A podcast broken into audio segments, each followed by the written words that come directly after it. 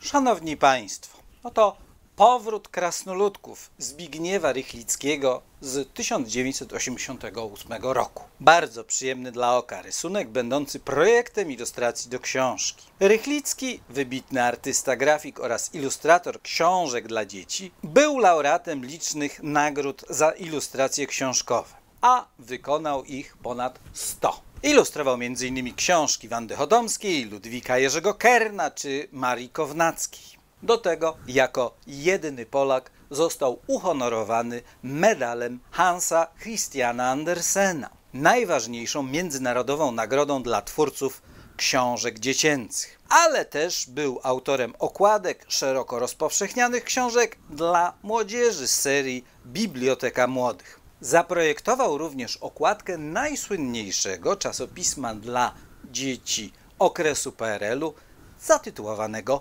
Miś. A wreszcie stworzył plastyczną postać Misia Uszatka oraz pozostałe postacie tej chyba najsłynniejszej telewizyjnej bajki Prosiaczka, Zajączka i Psa.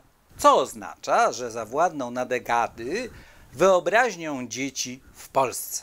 Moją także.